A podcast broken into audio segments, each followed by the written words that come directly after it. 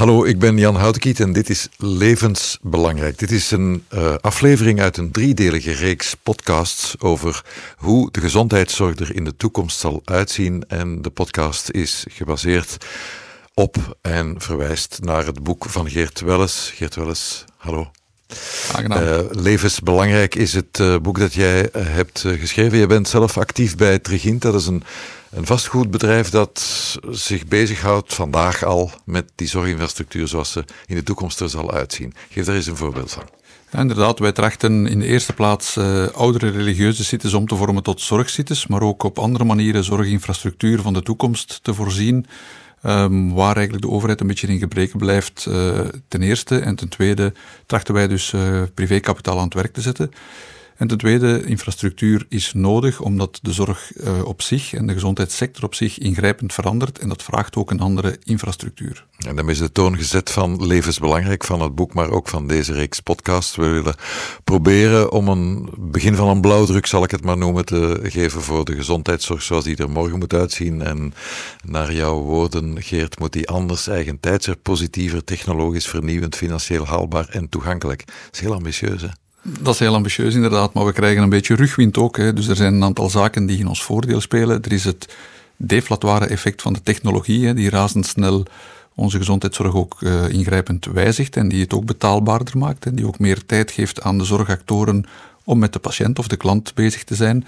En er is natuurlijk de invloed van corona die een aantal effecten heeft versneld, hè, die geen oorzaak is, maar eerder een, een aanleiding voor verandering. En de toekomst van de gezondheidszorg zal geïntegreerd en interdisciplinair zijn. Dus ben jij gesprekken aangegaan met een aantal experts, met Mark Noppen van het UZ Brussel, met Lieven Allemans, gezondheidseconoom, met Peter de Gat van Zorgneticuro destijds, Thierry Geerts, Karel van Eetveld en ook Omer van den Berg, professor emeritus van den Berg. Hallo. Hallo. U bent uh, emeritus eh, professor gezondheidspsychologie van de KU Leuven. En ja, de gezondheidsklachten en hoe we de symptoomwaarneming, mm. hoe we daarmee omgaan en de hele emotionaliteit die daarmee gepaard gaat, dat is uw domein. En dat zal ook, uh, neem ik aan, een belangrijke factor zijn in het welslagen van dit ambitieuze plan om met een nieuwe gezondheidszorg er te staan tegen 2030.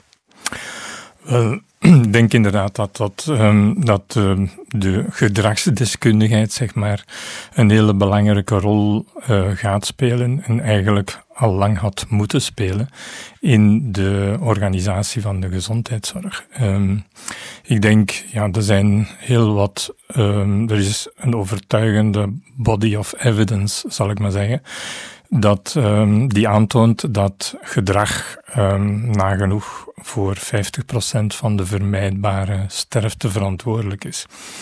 Uh, hoe is de gezondheidszorg nu georganiseerd? Structureel zitten we nog altijd te wachten tot um, het hartinfarct zich voordoet, om dat nu maar als voorbeeld mm -hmm. te nemen. Terwijl dat je uit een um, een, uh, ja, een multifactorieel risicomodel zou kunnen maken, dat voor een groot stuk uh, de kans voorspelt uh, dat het zich gaat voordoen. En gedrag speelt daarin een bijzonder belangrijke rol. Mm. Um, ik denk maar aan roken, ik denk aan bewegen, ik denk aan eetgedrag en al die factoren. Um, en ja, dat zijn gewoontepatronen, dat zijn gedragspatronen die, die zich bij wijze van spreken installeren gedurende het hele leven. Dus we, zien met een zekere waarschijnlijkheid, en dat is een belangrijk element, maar we zien met een zekere waarschijnlijkheid het hartinfarct van 30 jaar op voorhand aankomen. En we zitten met z'n allen te wachten totdat het, voort, totdat het zich voordoet. En wat doen we dan? Dan proberen we met een hele loodzware technologie er nog het beste van te maken, waardoor dat je dan ja, mensen in zekere zin gehandicapt uh, verder laat leven. Het is natuurlijk geen verstandig concept om een gezondheidszorg te organiseren. En dat is ook waar we het in de twee andere afleveringen met Mark Knoppen van UZ Brussel en mhm. met Peter de Gat over gehad hebben. Uh, onze, wat wij vandaag ziekenhuizen noemen en die vooral op het curatieve zijn uh, toegerust. We moeten eigenlijk op termijn evolueren naar veel meer preventie. Van, mm. om, het, om het kort te zeggen van cure moeten we eigenlijk naar care gaan. Ja. Uh, en preventie is nog, uh, gaat nog vooraf aan care. Mm -hmm. um, dus ja, ik denk de vraag is natuurlijk hoe dat je dat gaat organiseren. En er zijn uh, ongelooflijk veel facetten aan. Um, ik denk op de eerste plaats hebben wij, om nu maar één, één voorbeeld te nemen, uh, obesitas um, is een uh, probleem dat hand over hand nog zal toenemen, dat op een bepaald moment tot een escalatie van diabetes type 2 gaat leiden, enzovoort, enzovoort, met alle complicaties van dien. Um, ja, um, maar dat betekent dat die gedragsverandering waar u, waar u het over heeft, dat we, uh, dat we die aan het proberen installeren zijn, maar dat we daar nog eigenlijk aan het begin zitten, als ik u bezig hoor. Ja, ik denk dat we nog niet eens echt begonnen zijn. Uh, dus ik denk, ja, we hebben op dit moment uh, wat men soms noemt een obesogene maatschappij gecreëerd. Hè. Wat wil dat zeggen? We hebben op elke hoek van de straat super goedkoop uitgeselecteerd uh, eten beschikbaar. Um, we verplaatsen ons bij wijze van spreken voor elke meter met een motor onder ons achterwerk. En aan de ene kant de verleiding van supergoedkoop, heel erg beschikbaar en doorgaans door de industrie bereid eten. En twee belangrijke smaakdragers um, zijn natuurlijk vet en suiker. En tel er misschien ook nog zout bij. Um, en dan krijg je natuurlijk een fenomeen dat het ongelooflijk moeilijk is om al die, aan al die verleidingen te weerstaan. Um, tegelijkertijd gaan we minder en minder bewegen. Misschien geldt dat niet voor alle groepen, dan wordt ook hoe langer hoe meer gesport. En dus die ideeën beginnen al door te dringen, maar voor de populatie als geheel spelen die twee factoren natuurlijk een belangrijke rol om uh, obesitas te doen toenemen. En obesitas is zoiets als een sneeuwbal. Eens dat dat begint te rollen, is dat nog moeilijk tegen te houden en heeft dat de neiging om, om verder te escaleren. Hmm. Um, en dan pas in te grijpen als de uh, bal al lang aan het rollen is, dat is natuurlijk veel moeilijker dan vroeger ingrijpen. En dus Geert Welles, uh, in de twee andere podcasts met Mark Knoppen en Peter de Gat hebben we het over hoe we die gezondheidszorg moeten organiseren, hoe die infrastructuur er in de toekomst gaat uh, uitzien, over de gezondheidscampussen. Maar een essentiële speler en actor in dat geheel ja, is de burger. Uh, hij of zij van wie men niet wil dat hij of zij patiënt wordt op een gegeven moment. En daar hebben we, als ik professor Van den Berg bezig hoor, nog een lange weg af te leggen. Ja, inderdaad. De bewustwording moet uh, dringend ingevoerd denk ik, uh, worden, denk ik. En uh, het gaat zoals altijd om de, de geldstromen. En als we erin slagen van de geldstromen in de juiste richting te sturen en mensen op een zachte manier aan te zetten en ook financieel misschien te belonen om het beter te doen, beter bezig te zijn met hun gezondheid, met hun voeding, be bewegen en met hun geestelijke gezondheid, gaan we wel ver komen, denk ik. En in het boek hebben we trachten aan te tonen dat misschien de bedrijven daar een belangrijke rol in spelen omdat we daar uh, het belang van de bedrijven ook kunnen dienen uh, in het belang ook van de, van de burger en de werknemer. Namelijk, gezondere medewerkers zijn gelukkiger, productiever, wegen minder op uh, de ziekteverzekering voor de overheid en kunnen snel een effect resulteren. Ja. Professor Van den Berg, gelooft u in de rol van bedrijfsleiders van bedrijven als ja, motor van die nudging of die kleine gedragsverandering waar we het over hebben? Ik denk dat alle spelers uh, op het veld. En dan denk ik ook aan, niet alleen aan bedrijven, maar ook aan scholen. En dan denk ik aan uh, allerlei sociale organisaties. Um, ja, dat, dat ze allemaal nodig zijn. En om even voort te gaan op het begrip bewustwording. Uh, ik denk bewustwording is één zaak, maar heel veel gedrag dat wij stellen, stellen wij zonder erbij na te denken, zonder ons daar echt bewust van te zijn. Waarom? Omdat wij, ja, ons, ons gedrag wordt voor een heel groot stuk beïnvloed door de context. Hm? Um, en ja, dat betekent dat we er ook moeten gaan aan denken om aan een stukje social engineering te gaan doen. Ja? En social engineering betekent eigenlijk dat je de, de, de maatschappij zodanig gaat organiseren dat um, gewenst, gehoopt gedrag waarschijnlijker wordt. Hè. Mm -hmm. En dan kun je met aspecten zoals nudging gaan, gaan spelen. Um, en en ja, ik, ik, geef een voorbeeld: een laagdrempelige sportinfrastructuur overal beschikbaar. Um, is, is uh, waarschijnlijk belangrijker dan voortdurend um, de nadruk leggen op een probleembewustzijn. Ik probeer een analogie te maken met uh, ons rookgedrag. Ja. Wat uh, sinds nu goede 15 jaar, denk ik, door het verbod op roken in publieke ruimte toch een bepaalde wending heeft genomen. Maar 15 jaar later zijn er nog altijd veel mensen aan het roken. Dus daar gaat tijd over. Daar gaat ongelooflijk veel tijd over en ik vind het voorbeeld dat je, dat je geeft eigenlijk bijzonder boeiend. Waarom? Um, eigenlijk zijn de boodschappen dat er ook een ongezond is, zijn die al um, sinds de jaren 60 uh, eh, worden die gelanceerd. En wat zien we? Eigenlijk duurt het tot de jaren 80 voor leren dat er ook cijfers een beetje een wending beginnen te nemen. En, um, en dat is op zich dat is een heel mooi voorbeeld, uh, omdat roken is in eerste instantie een, een sociaal gedrag. Hè. En heel veel mensen die nog altijd roken, die weten dat dat ongezond is en toch doen ze het. En dat geeft dus een, dat is een mooi voorbeeld van het verschil tussen weten en doen. Ja. roken is vooral sociaal gedrag. En dat betekent dat de eerste boodschappen eigenlijk weinig effect hebben gehad op de rokers zelf, maar die hebben op den duur veel meer de attitude beïnvloed van de niet-rokers. En de niet-rokers zijn eigenlijk sociaal sanctionerend gaan optreden ten aanzien van de rokers. Waardoor dat je op een bepaald moment waardoor dat het sociaal onwenselijk begint te worden om nog te roken. En dan krijg je eigenlijk die escalerende factor. Mhm. En het voorbeeld is nog om een andere reden heel interessant. Ik denk dat roken hoe langer hoe meer een lower class behavior geworden is. Met andere woorden, je vindt het vooral nog terug in um, lagere socio-economische klassen. In die dezelfde klasse, daar vind je eigenlijk een accumulatie van allerlei uh, risicofactoren, zeg maar, op het gebied van gezondheidsgedrag. roken, eten, drinken, uh, bewegen uh, enzovoort, waardoor dat je eigenlijk uh, wat enorm bijdraagt tot een serieuze gezondheidskloof tussen de hogere en de lagere socio-economische klassen. En dit vind ik een van de belangrijkste en de grootste uitdagingen.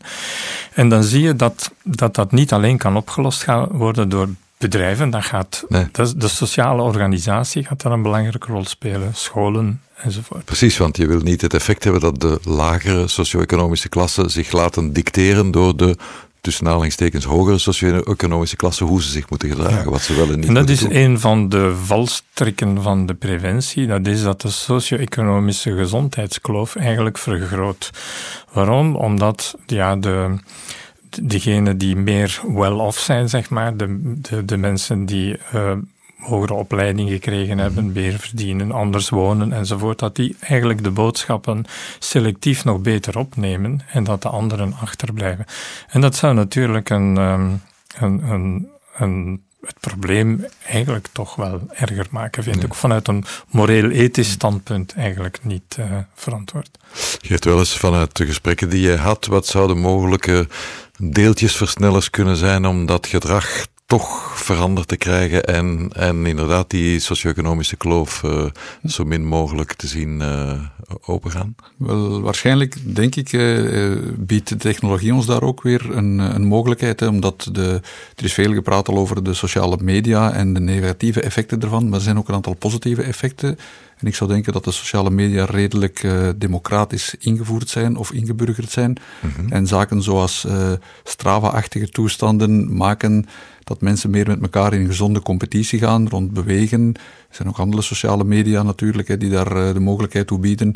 Dus een Strava-abonnement voor iedereen. Voilà. En de die de jongere generatie toch iets meer, denk ik, uh, sociale controle geeft op elkaar, of elkaar meer nudgt, hè, nog eens een keer dat woord te gebruiken, om het anders en beter te gaan doen. Hmm. Die sociale controle, professor Van Berg, dat klinkt een beetje 1984-achtig. Maar hoeft het niet ja, te zijn? dat is een dat is een heel belangrijk en moeilijk punt.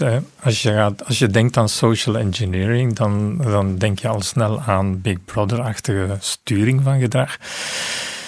En ik vind dat een moeilijk punt. Um, waarom vind ik dat een moeilijk punt? Vrije wil is tot op zekere hoogte ook een, een illusie of een, een product van ons brein, hè, dat we dat gevoel hebben. En misschien is het een beetje een overdreven boetade, maar mijn promotor die vergeleek um, vrije wil zo met, met vrije val. Hè. Dat ziet er heel vrij uit, maar dat is eigenlijk gedetermineerd uh, uh, van hier tot ginder. Mm we, we, leven nu ook in een, in een maatschappij waar we het gevoel hebben dat we vrij zijn. Maar ondertussen worden wij natuurlijk gestuurd langs alle kanten door reclameboodschappen, door de manier waarop wij de maatschappij inrichten. En, en dat, dat is een sturing die op dit moment nog altijd te veel gaat in de richting van wat ik noem die, van wat ik genoemd heb, die obesogene maatschappij. Mm. En ik denk natuurlijk, ik, ik vind dit zelf een heel moeilijk punt. Um, sturing um, is een vorm van goed beleid. Het mag nooit uh, dwingend zijn. Um, het moet transparant zijn, het moet engagement stimuleren en dergelijke. En dat is een, dat is, het, het mag natuurlijk niet heimelijk en, en, en achter de rug gebeuren. Ja. Dan hebben we de neiging toch, uh, Geert Welles, om, om heel sterk naar de overheid te kijken. Ik zeg maar aan banden leggen van tabaksreclame. En je zou dat bij uitbreiding ook voor andere minder gezonde uh, substantiën kunnen, kunnen invoegen laten treden. Maar wil, kan een overheid daar zo'n grote rol in spelen? Want de lobbyisten staan ook klaar. Hè? Het is willen en kunnen een beetje, denk ik. Inderdaad, er zijn de grenzen van de, de zesde staatshervorming. Hè. Die maken dat beslissingstraject van de overheid niet zo makkelijk is in België. En dat is een uh, zwaar eufemisme, denk ik. En dan uh, kunnen, ja, uiteraard denk ik, uh, ze kunnen het wel. Het is ook een kwestie van middelen beter te allokeren. Hè. Zoals ook een keer in de vorige podcast gezegd is, is ongeveer 2% van het budget van gezondheidszorg wordt besteed aan preventie, of niet eens 2% daar kan al veel mee gebeuren, denk ik, hè, om uh, die middelen een beetje te herschikken. Hè. Mm. Maar ik denk eigenlijk ook aan andere structuren. Hè. Er wordt inderdaad uh, op het gebied van sturing heel veel gewerkt met verbod, hè, verbod op roken enzovoort. Maar ik vind dat men eigenlijk veel meer nog met incentives zou moeten werken. En waarom zou je niet bijvoorbeeld bedrijven incentives geven wanneer ze uh, voorzieningen, mogelijkheden aanbieden aan hun hele uh, personeelsgroep, uh, van arbeiders tot, tot bedienden. En voor mijn part mogen al die uh, echelons door elkaar gaan.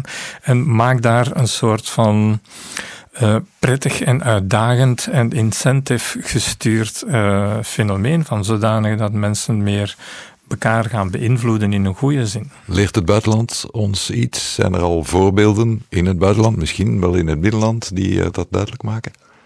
Goh, ik denk dat in, in landen waar die um, band tussen verzekering en gezondheidskosten en um, gedrag van mensen uh, nauwer is, waar dat er een, een betere link is. Hè? Um, dat dat je, zeker bijvoorbeeld in Amerika, heb je bedrijven waarbij grote bedrijven die zich uh, engageren om gezondheid en well-being te stimuleren op een actieve manier, um, door allerlei programma's, door incentives aan te bieden enzovoort. Ik denk dat um, dit soort van incentive-based uh, policy, ik denk dat dat nog te weinig uh, uitgebouwd en geëxpliciteerd wordt. Um, in, in, in België is het nog altijd zo dat, uh, en nu maak ik er echt een karikatuur van misschien, maar um, als iemand uit het werk valt, um, na een maand komt hij op de, ziekenfonds. de ziekenfonds terecht.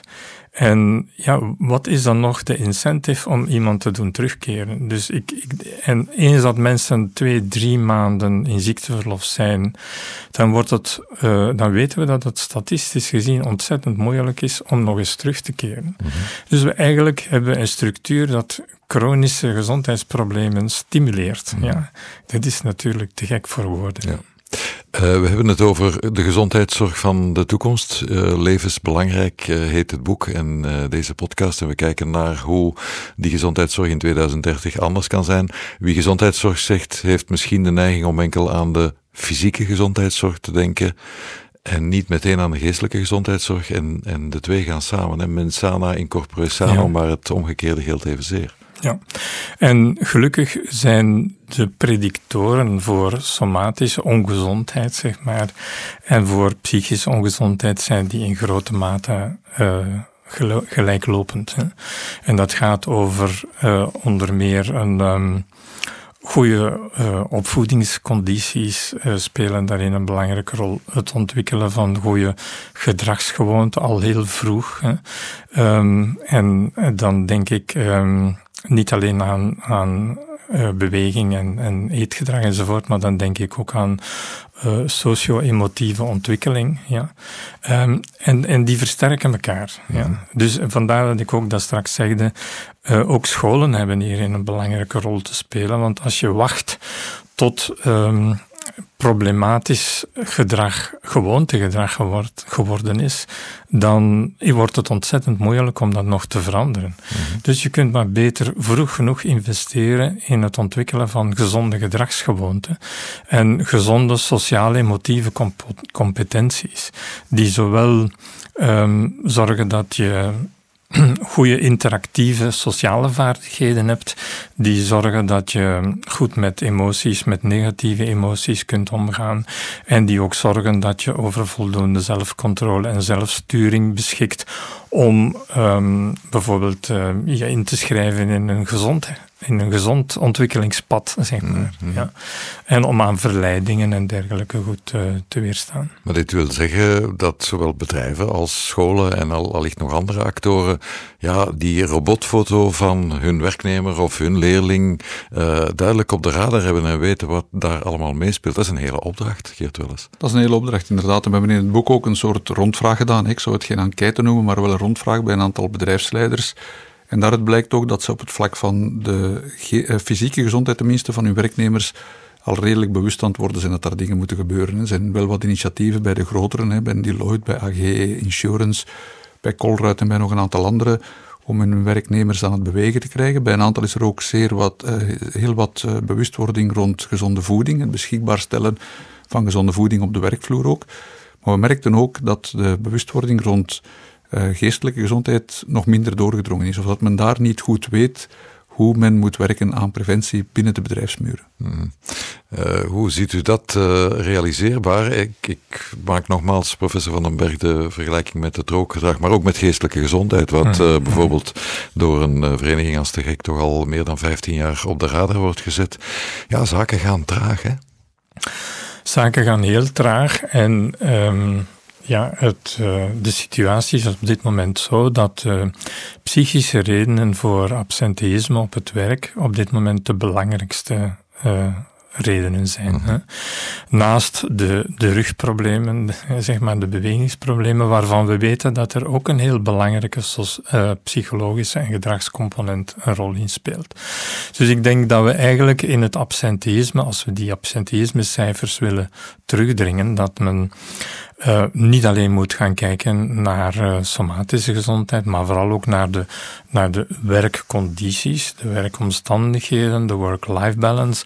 Al die factoren die uh, ertoe kunnen bijdragen dat je, dat je werk toch kan zien als een, um, als een zinvolle, uitdagende uh, bezigheid die uh, de kans geeft ook om te leren en bij te dragen aan je, je, je welzijn. Um, ik, ik, ik, vind, ik vind dat een, een bedrijf niet alleen een product of een uh, uh, industriële output moet hebben, maar dat het eigenlijk ook een welzijnsoutput moet hebben. Werk is een van de belangrijkste bezigheden die wij in ons leven doen. Ja, niet de enige, hopelijk. Niet de enige, maar toch wel um, verhoudingsgewijs, denk ik, een van de belangrijkste dingen die we doen. Dus ik denk dat het voor bedrijven ook um, een goede investering is op de lange termijn. Misschien niet altijd op de korte termijn, maar op de lange termijn. Om te zorgen dat mensen geëngageerd, betrokken, gedreven en gemotiveerd blijven. Ik denk dat dat een rendabele deal is eigenlijk. Heeft de pandemie ons daarbij nieuwe inzichten en misschien toch um, um, ja, inzichten die mogelijk duurzaam zijn uh, gebracht? Uh, zijn mensen al meer mee in dat, ja, dat gezonde evenwicht dat we allemaal zoeken tussen werk en. De, de pandemie heeft uh, ten eerste, behalve grote nadelen, ten tweede natuurlijk ook een aantal beperkte voordelen. Ik denk dat de pandemie op zich nu al een heel duidelijk en mooi voorbeeld is van hoe ons gedrag eigenlijk cruciale factor is in onze somatische gezondheid. En ik verwijs nu even naar een andere groep, naar psychologie en coronagroep, die ik samen met een collega uh, coördineer. De moeite die je hebt om een gedragsexpertise, een, een denken gebaseerd op gedragsexpertise, geïmplementeerd te krijgen in een overheidsbeleid om de pandemie te beheersen, ja, dat, ik, ik moet zeggen dat ik versteld sta hoe moeilijk het is. Ten tweede, wat we nu ook zien, dat is, je kunt, je kunt de pandemie niet alleen beschouwen als een somatisch medisch probleem. Dat is ook een belangrijke mate een gezondheidsprobleem, naast een economisch probleem, naast sociaal probleem. Ik bedoel een mentaal gezondheidsprobleem. Mhm. En we zien nu dat um, ja, de mentale gezondheidsproblemen echt wel ernstig toegenomen zijn. En um, zoals altijd, um, als er een crisis is, dan wordt er geduwd waar het pijn doet. En um, ja, nu blijkt hoe weinig geschikt en hoe onderbemand en hoe slecht gestructureerd onze hele geestelijke gezondheidszorg is. Ja. Als er nu één hoop is die ik heb, die um, misschien gerealiseerd wordt door de pandemie en de factor die, de, de rol die die pandemie speelt, dat is dat er misschien toch eindelijk eens een ernstig, um, goed gestructureerd en goed gesubsidieerd geestelijk gezondheidsbeleid ontstaat. Laten we misschien die hoop uh, vasthouden en delen met u, uh, professor Wallenberg, de hoop op een, uh, een, een, grondige aanpak en inderdaad een uitbreiding van die capaciteit en van de, van de wendbaarheid van die geestelijke gezondheidszorg. Daar is toch een, een grote nood vandaag. Professor Emeritus uh, van Omer van den Berg en Geert Welles, auteur van Levensbelangrijk. Dankjewel. Dit was Levensbelangrijk. Een aflevering in een uh, podcast met uh, Geert Welles. En het boek is uitgegeven bij Pelkmans. Het is nu overal verkrijgbaar.